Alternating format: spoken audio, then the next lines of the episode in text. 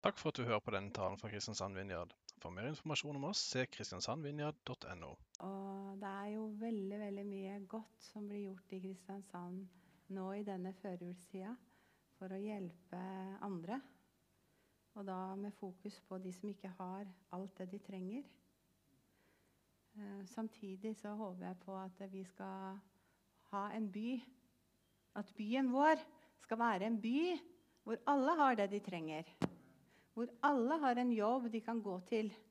Hvor alle har et hus som er varmt. Hvor alle har den maten de trenger. Det er det vi må gå for. Ikke bare akkurat nå når det er jul, men hele året. Det er noe å be om. For vi har en rik pappa som har alt. Det er ingen begrensninger hos han. Så jeg tenker Det er noe som vi kan ha som et bønnemål for det året som kommer. Vi kan be om at Kristiansand skal bli den aller beste byen i Norge å bo i. Hvor folk har det de trenger. Vi kan be om at kriminaliteten skal gå ned. Vi kan be om at all rusavhengighet og forskjellige sånne ting skal bare fade ut. At ikke de finner hverandre. Det har vi bedt om før. At ikke ungdommene som er utsatt, finner de som prøver å utnytte de.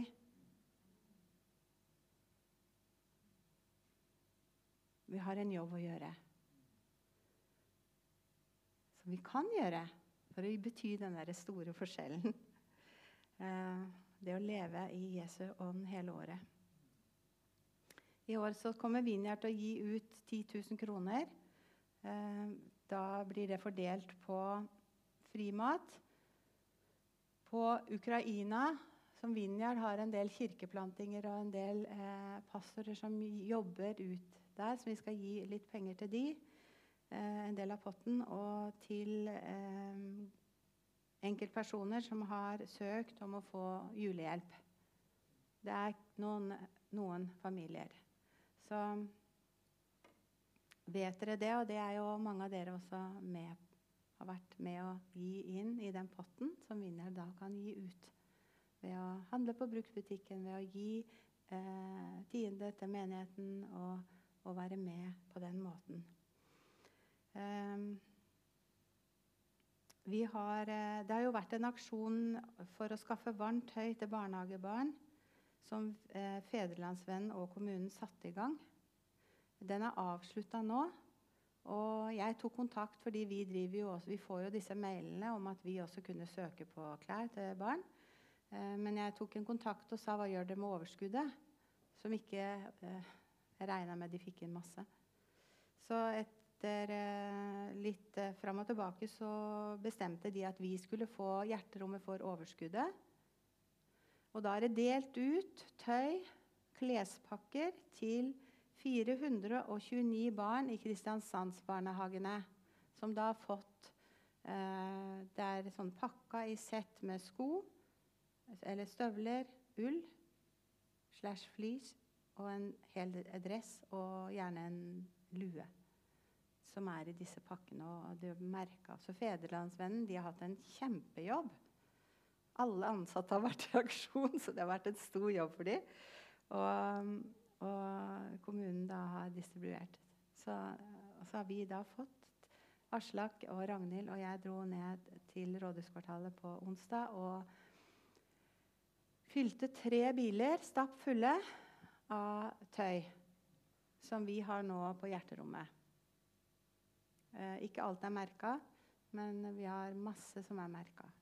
Så vet dere om noen som trenger, Masse, vi har mange, det, største delen er til ettåringer. Og de har jo ikke det store behovet. Men kjenner du noen som har barn på ett år som trenger varmt tøy, så kom på hjerterommet. Det andre positive som har skjedd, det er en sånn post som jeg la inn på Hjerterommet Facebook-sida, som har blitt delt også i eh, Vågsbygd. Det er ikke jeg som det, delte det der, men jeg har blitt medlem av Vågsbygd Vel, jeg også som da har satt i gang en aksjon blant veldig masse folk. Og som vil gi tøy.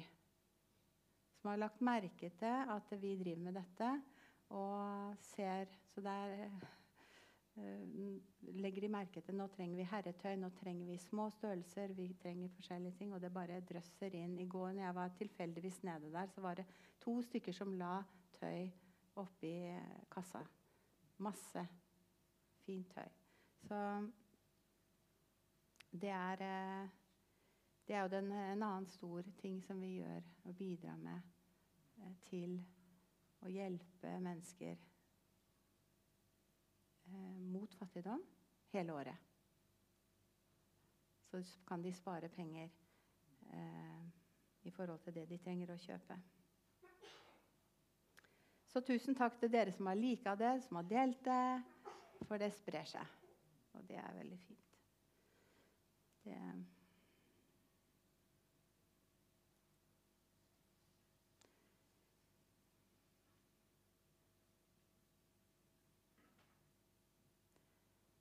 Jesus, jeg ber om at du rører enda mer med hjertene våre, ved hjertene våre, sånn at vi har myke hjerter. At vi har babyhud på hjertene i forhold til når andre mennesker har det vanskelig eller vondt og lider. At vi ligner mer og mer på deg, Jesus, i eh, hva vi legger merke til, og hva vi ser. Så be Hellige at du kommer med din fylde og din berøring.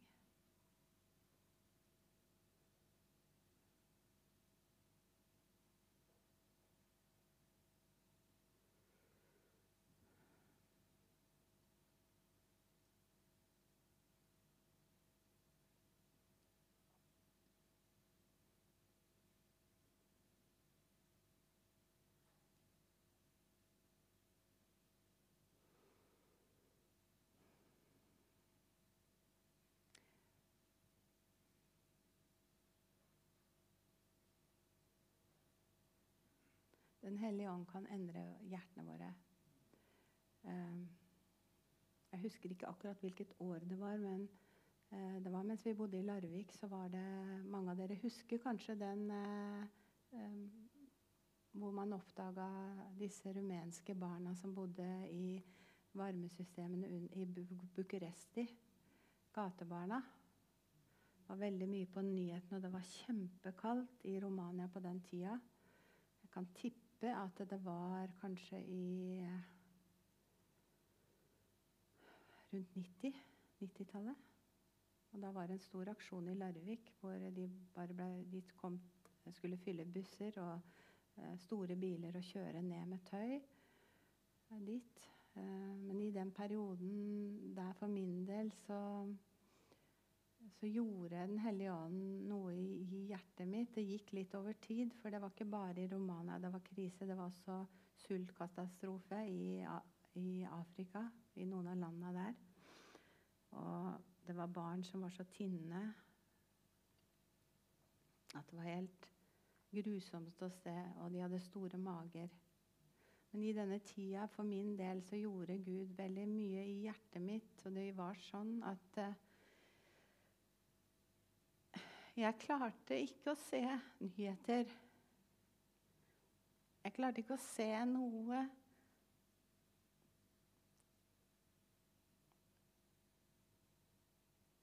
av lidelse hvor andre mennesker eller barn led. Uansett. Og jeg, jeg, jeg blei nesten litt redd, men jeg visste at ikke det var det naturlig i meg som reagerte sånn. Så jeg skjønte at det var noe som Gud gjorde i hjertet eh, mitt. Og av de, noen av dere har kanskje opplevd det samme. Eller at dere er der nå og ikke helt skjønner hva som foregår med deg. Men sånn er Gud. Eh, hans ånd virker i oss. Og så kan vi lett bli litt engstelige og tenke Oi, jeg er blitt har jeg fått problemer nå, eller hva er det for Jeg kan ikke se noen ting uten at jeg begynner å grine. Eller blir bare sånn veldig eh, liksom, Vi skjønner det ikke.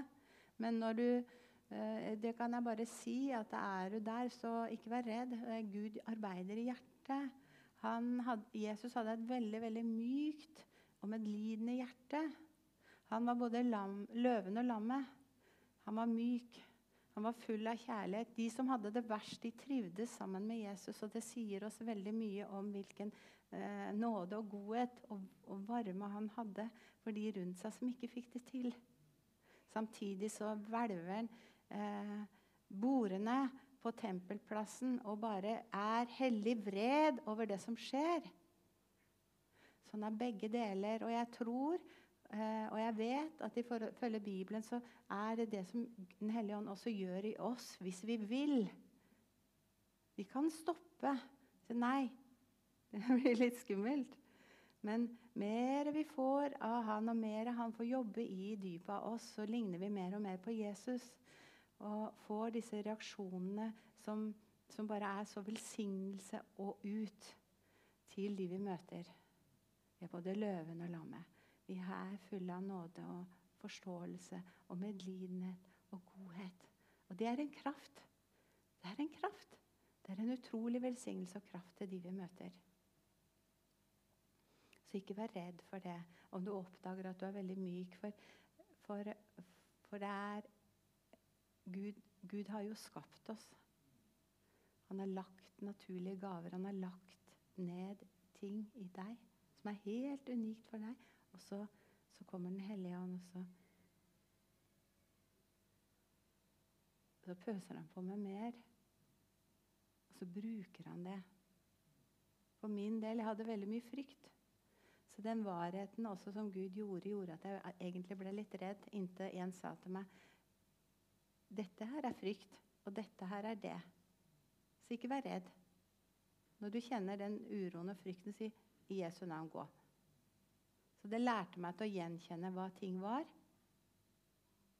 Noen ganger så den der varheten og den gråten og det handla ikke om meg, men det handla om de som var rundt der. Det handla om Gud som ville bruke meg til noe. Han ville vise meg noe. Og det har vi. Du har det.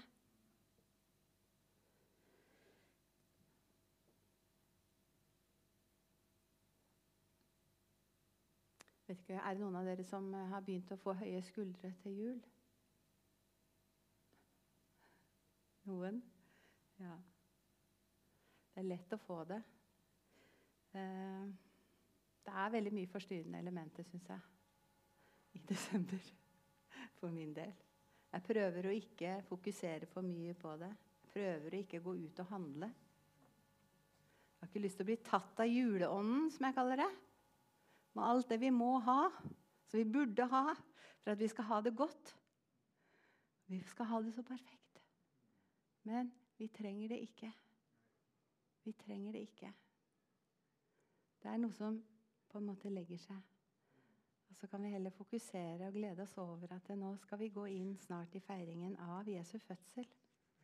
Jesus er jo en levende person i dag, sitter ved Faderens høyre hånd. Men vi feirer hans, hans komme. Det kan vi glede oss over. Midt oppi eh, julestria, eller hva jeg skal kalle det. Um, Vi skal se på noen vers sammen fra 1. Peter 4. Nei, 2-4. Det er ganske langt stykke, så dere får bare ta det Bare lukke øynene eller bare lytte eh, til de, disse fantastiske orda fra 1. Peter 2, 4-10. Kom til ham, den levende steinen som ble vraket av mennesker, men er utvalgt og dyrebar for Gud. Og bli selv levende steiner som bygges opp til et åndelig hus. Bli et hellig presteskap og bær fram åndelig offer som Gud tar imot med glede ved Jesus Kristus. For det heter i Skriften.: Se på Sion legger jeg en hjørnestein, utvalgt og dyrebar. Den som tror på ham, skal ikke bli til skamme. Altså blir den til ære for dere som tror, Men for den som ikke tror, er steinen som bygningsmennene vraket, blitt en hjørnestein, en snublestein og en klippe til fall. Fordi de ikke er lydige mot ordet, snubler de. Det var de også bestemt til. Men dere er en utvalgt slekt, et kongelig presteskap, et hellig folk, et folk som Gud har vunnet for at dere skal forkynne Hans storverk. Han som kalte dere fra mørket og inn i sitt underfulle lys, dere som før ikke var et folk, er nå Guds folk. Dere som før ikke fant barmhjertighet, har nå funnet barmhjertighet. Kom til ham, den levende stein, og bli også dere levende steiner. vi er et folk som Gud har vunnet for at vi skal forkynne Hans storverk. Vi skal forkynne Hans storverk. Dette er noe som Peter har skrevet, som egentlig het Simon. Og Jesus han ga han et nytt navn, parameisk Peter, som betyr På arameisk så, så, heter det Kefas, og på latin så er det Petrus, som betyr klippe.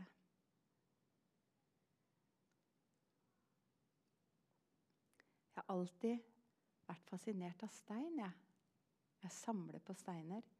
Jeg har masse steiner hjemme.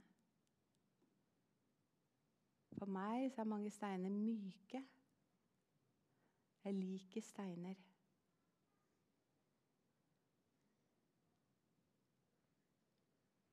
Jeg leste en artikkel av en som heter David Gjerp, som forklarer litt om levende steiner. Så sier han jeg måtte helt til Jerusalem før jeg skjønte noe av det. En dag for mange år siden sto vi foran den enorme klagemuren og beundret steinklossene som hadde ligget der siden før Jesus. Det, det var da en mann kom bort og spurte vet dere hva en levende stein er. Og Så begynte han å fortelle oss hvordan denne muren var blitt til. Hvordan bygningsmenn den gang hogget til en og en stein på bakken, fikk løftet den opp og prøvd den på plass. Steinene var ulike, og hver og en måtte ha sin egen plass i muren. Ofte måtte stein tas ned igjen, hogges på og slipes til, så den passet helt inn i forhold til steinene rundt. Det var både en lang og en slitsom prosess før den kunne dekke plassen som bare den kunne fylle. Og når den var på plass, og alle så hvordan den fylte akkurat det tomrom den var laget for, da nikket bygningsmennene fornøyd til hverandre og sa nå er den blitt en levende stein. Så sier han der ved klagemunn skjønte jeg uttrykket 'en levende stein'. Det gjaldt å fylle plassen og tomrommet den var skapt til å fylle. Den kunne ikke erstattes, for ingen steiner var like. Idet den fylte plassen sin, var den blitt til en levende stein som bar sin del av hele byggverket.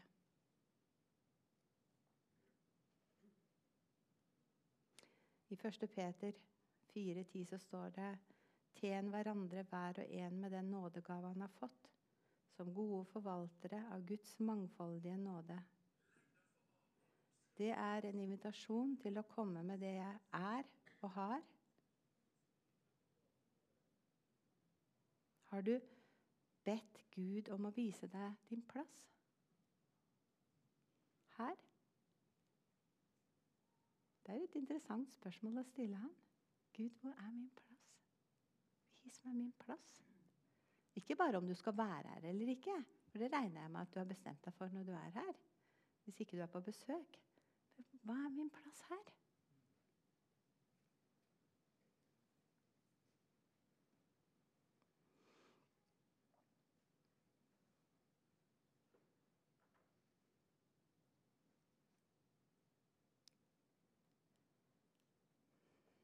Og den klagemuren den har satt der i over 2000 år. Lenge. Lenge. Mye lenger enn det. Og så med hver stein som fyller sin plass. Og sånn er det jo med Guds rike òg. Den plassen som vi har. Vi utfordres til å stå fram for Han med det vi er og har.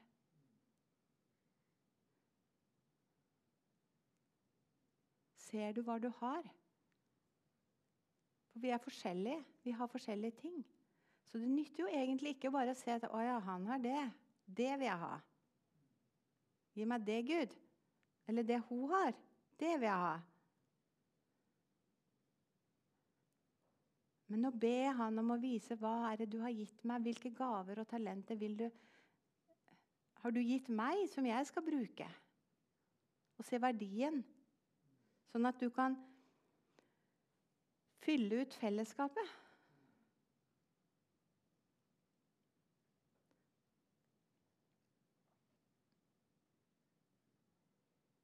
Og ikke bare her, men på jobben eller på skolen eller nabolaget eller Det å vite hvem vi er.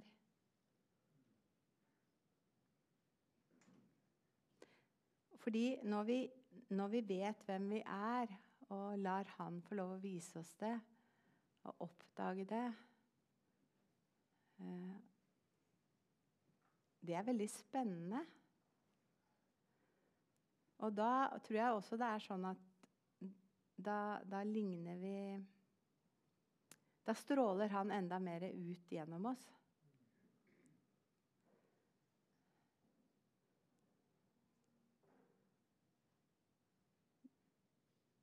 Mer og mer.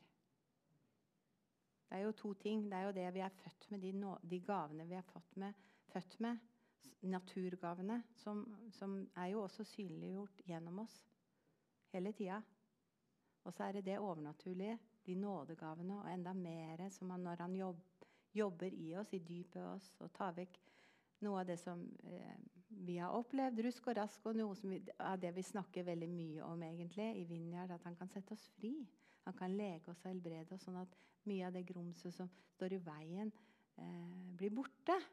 Og at han, det som, det som eh, nådegavene kan få lov å komme mer og mer fram, da blir han mer og mer synlig i oss, tror jeg.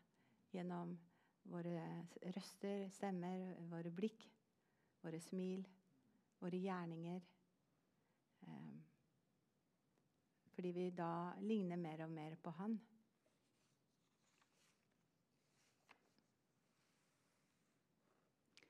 Efeserne 2 20 så står det dere er bygd opp på apostlenes og profetenes grunnvoll, med Jesus Kristus selv som hjørnesteinen. Dere er bygd opp på apostlenes og profetenes grunnvoll, med Kristus Jesus selv som hjørnesteinen. Han er fundamentet. Han er. Gjennom hele Gamle testamentet kan vi jo finne bilder, sånne røde tråder, som handler om Jesus. Som ligger på en måte litt skjult i budskapet. På mange forskjellige måter. Også i Gamle testamentet så er det jo mer eh, fysiske historier. Mens i Nytestamentet så er det åndelig. Og jeg, jeg møtte et eh, Eller jeg leste ble minnet om et ord egentlig da, om Moses og Israel, jødefolkene i, i, i, ørkenen. De gikk jo der i 40 år i ørkenen. Og så kan vi lese om at eh, de en gang de var så tørste De hadde ikke vann, og de trengte vann for å overleve.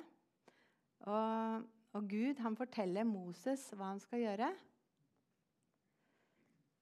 De samla seg da mot Moses. De var irriterte.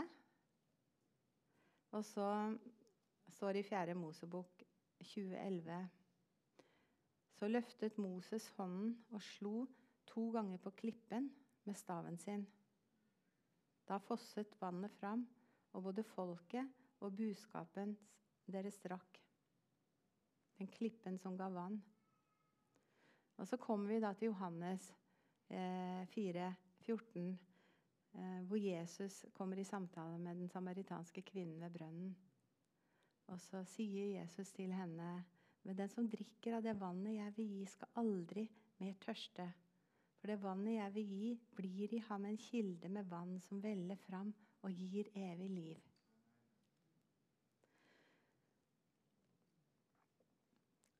Det er ganske interessant at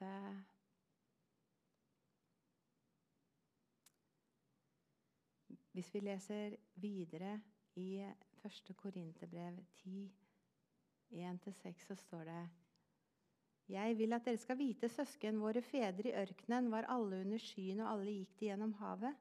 Alle ble døpt til Moses i skyen og i havet, og alle spiste de den samme åndelige mat og drakk den samme åndelige drikk. For de drakk av den åndelige klippe som fulgte dem. Og denne klippen var Kristus.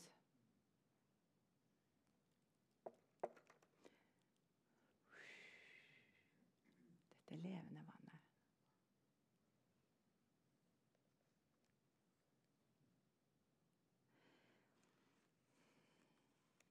Jeg hadde en drøm i natt. Eh, den var sånn. Jeg ser en bil som, er fullt av folk. Små og store. Voksne og barn. Eh, de har Jeg forstår at de har ja, kjørt utfor veien. De har krasja de de Det er ikke bilen, det er ikke noe fysisk på bilen, men de har kommet utfor veien. Og, og så er jeg der, og jeg skjønner med en gang at her må jeg hjelpe, fordi jeg ser at det begynner å brenne i bilen, og folka sitter innestengt i bilen.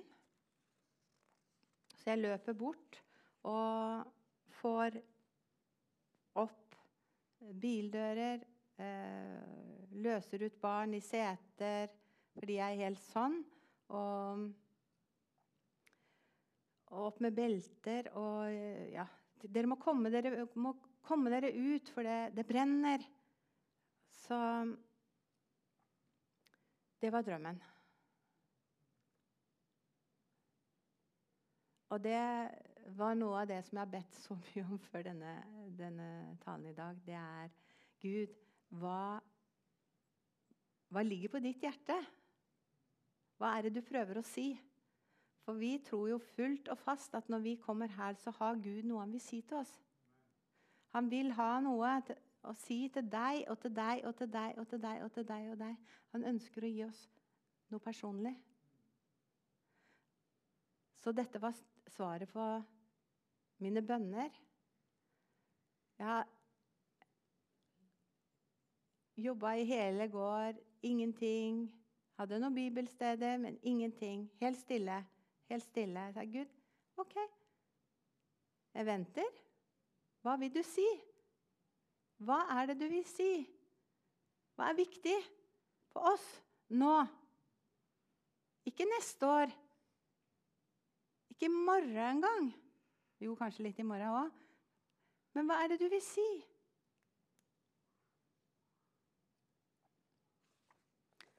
Og det jeg tror han vil si, det er Bli selv levende steiner. Ikke gi Ja, men andre kan gjøre det. vi, Det blir så hverdagslig, den troen vi bærer noen ganger. Så personlig at om Jeg vet ikke. Men dette fellesskapet, dette tette fellesskapet, det menighetsfellesskapet, det er jo én ting. Det å bli levende steiner. sånn som, Og vi skjønner hva det er. Men også denne situasjonen som den ulykka var, egentlig. da. Eh, det at jeg måtte løpe bort til bilen, rive opp døra, si 'det brenner, dere må komme dere ut, dere er i fare'. Det er jo faktisk sånn det er for mange mennesker i dag. Og Da tenker jeg ikke på fysisk fare, men jeg tenker at det, men det er så mange som lever uten håp og uten Gud. Så vi, de levende steinere i fellesskap vi har satt sammen, må vi hjelpe hverandre. Og så så får vi nærheten med han og med hverandre i husgrupper og i menigheten. Og så, så er vi der ute og legger merke til Vi legger merke til at det er noen som trenger oss. Og Hvis ikke vi legger merke til de, så kan vi faktisk spørre Gud, hjelp meg til å se. Hjelp meg til å ikke bare fyke forbi og være opptatt av meg sjøl, men stoppe opp og si Er det noe jeg kan gjøre for deg? Både i det hverdagslige og i litt større ting, men på alle plan. Så er, står det jo at vi er som han. Så får vi lov å dele ut dette levende vannet. Vi kan få lov å si Det hjelper jo ikke Altså, Det hjelper jo at vi kan leve disse liva, men noen ganger så hjelper det at vi sier noe også. Du, jeg tror faktisk at Gud kan gjøre en forskjell. Jeg tror faktisk at Gud kan hjelpe deg. Jeg skal be for deg. Skal huske på deg når jeg kommer hjem. Mange syns jo det er litt sånn kleint, som eh, mange bruker det ordet der. Jeg pleier ikke å bruke, men dere skjønner hva det betyr. Liksom, jeg kan godt be for deg nå, men det er kanskje litt sånn skummelt. Men jeg skal huske på deg. Jeg skal be for deg når jeg kommer hjem. For eksempel, da. Eller du må kjenne på hva som er naturlig for deg å si. Men det å være der Vi pleier å si at Jesus han går rundt og leiter etter den ene som har gått seg bort. Eller de millionene som har gått seg bort. Og så er jo vi også de som går og leiter. Vi er, Jesus er jo der ute hele tida. Vi trenger ikke å bringe han med oss ut, for han er der. Men vi kan få lov til å være som han, og det er utrolig spennende. Det er ikke vanskelig. Fordi han er i oss, og det, det, bare, det flømmer litt ut, det. Det bare renner. Så det er ikke, det er ikke komplisert. Nei. Og det er gøy. Og jeg tror kanskje vi kan få litt latter ut av det òg. Vi kan få det litt fint. Vi kan kjenne oss at det, det har vært eh, Som Jesus sier, 'Min mat er å gjøre Faderens vilje'.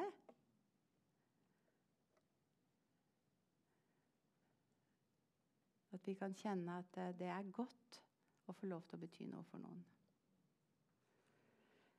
Kom til ham, den levende steinen som ble vraket av mennesket, men som er utvalgt og dyrebar for Gud og bli selv levende steiner som bygges opp til et åndelig hus. Bli et hellig presteskap og bær fram åndelig offer som Gud tar imot med glede ved Jesus Kristus. Det var det jeg ville formidle til oss alle sammen i dag og i denne tida. Du kan få lov til å være med og redde mennesker. Og du gjør det. Så vær frimodig. Vær frimodig. Amen. Takk for at du hørte på denne podkasten. Ta gjerne kontakt med oss via vår Facebook-side Kristiansand Vinjard, eller besøk oss på Vågsbygd ringvei 100 i Kristiansand. For mer informasjon om hva vi gjør og hvordan du kan bli involvert, gå inn på kristiansandvinjard.no.